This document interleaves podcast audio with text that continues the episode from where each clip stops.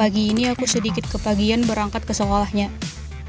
Cuma ada beberapa mobil yang terparkir di parkiran.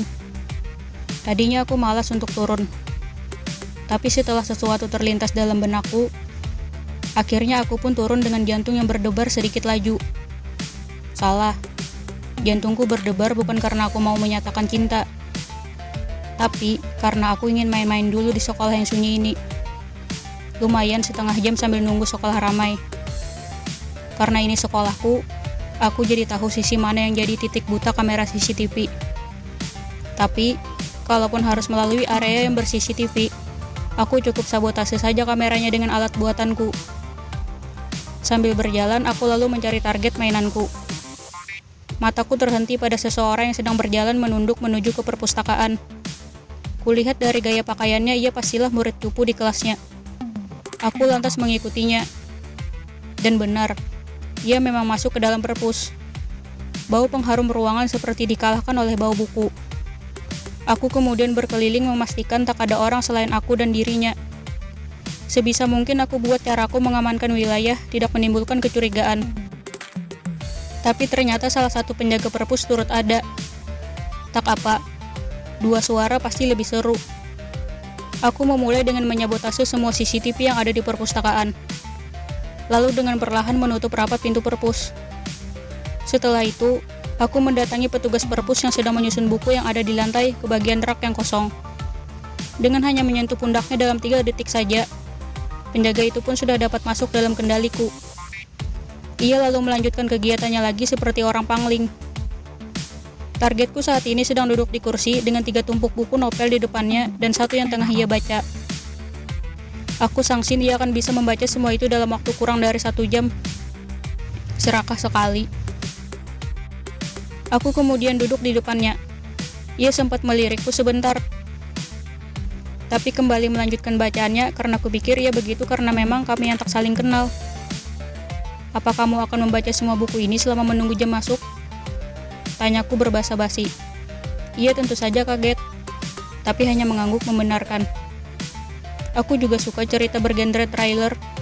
Ngomong-ngomong, aku boleh pinjam satu bukumu itu. Tenang, aku hanya akan baca di sini saja. Kataku lagi. Ia lalu mengulurkan salah satunya tanpa bicara apa-apa. Sombong sekali. Dia sampai tidak mau bicara denganku. Kamu pasti tidak takut darah ya? Ada banyak adegan yang dibuatkan ilustrasinya di sini. Ucapku dengan menunjukkan bagian dalam buku yang memiliki gambar berwarna tanpa sensor. Aku tak menyangka di sekolahku ada buku seperti itu. Aku menunggunya bicara dengan melihat lurus ke arahnya. Tak lama berselang, ia pun sadar kalau aku terus menatapnya. Lo kalau mau ngobrol luar saja sana. Jangan gangguin orang yang lagi baca buku. Ini perpustakaan, bukan kantin. Ujarnya yang langsung membuatku terkekeh sementara ia memutar bola matanya malas. Aku lalu berpindah duduk ke sampingnya. Ia terkejut dan melihatku dengan tatapan penuh keheranan. Ngapain lo? Tanyanya. Mauku. Aku terus melihatnya dengan tatapan penuh kelaparan. Ia seperti takut dan menjauhkan dirinya dengan perlahan. Kemudian pas bunga yang ada di atas meja langsung kupukulkan ke kepalanya hingga pecah. Ia shock dengan apa yang kulakukan barusan. Lo, lo gila ya? Teriaknya seperti hendak berlari, tapi tak bisa karena aku keburu menangkapnya. Ia berontak dengan terus berteriak. Percuma saja teriak. Jendela masih terkunci. Dan pintunya juga baru aku kunci. Kamu tahu kan perpustakaan kita itu kedap suara. Kataku dengan tenang.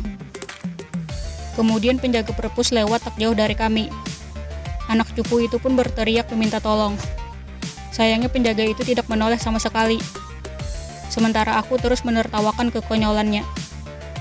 Aku lalu mengikatnya berkali-kali dari tali yang kuambil dari pengikat buku yang menumpuk di lantai. Mulutnya kusumpal dengan buku tebal sampai membuat bibirnya robek. Ia menangis dan meminta untuk dibebaskan. Sayangnya aku terlanjur menyukai reaksinya. Aku lalu memungut satu buku baru dan membuka lembarannya. Aku memilih satu kertasnya untuk kugores-goreskan ke tubuhnya. Darah mulai membasahi seluruh pakaiannya diiringi dengan isak tangis kesakitannya. Aku terus melakukan itu sampai tak lagi ada celah di kulitnya untuk kugores-gores. Aku kebablasan saking keasikannya. Kemudian, Sebagai sentuhan terakhir, aku menggoreskan dengan dalam ke area lehernya. Teriakannya semakin kencang, namun perlahan merendah, hingga akhirnya tak terdengar lagi.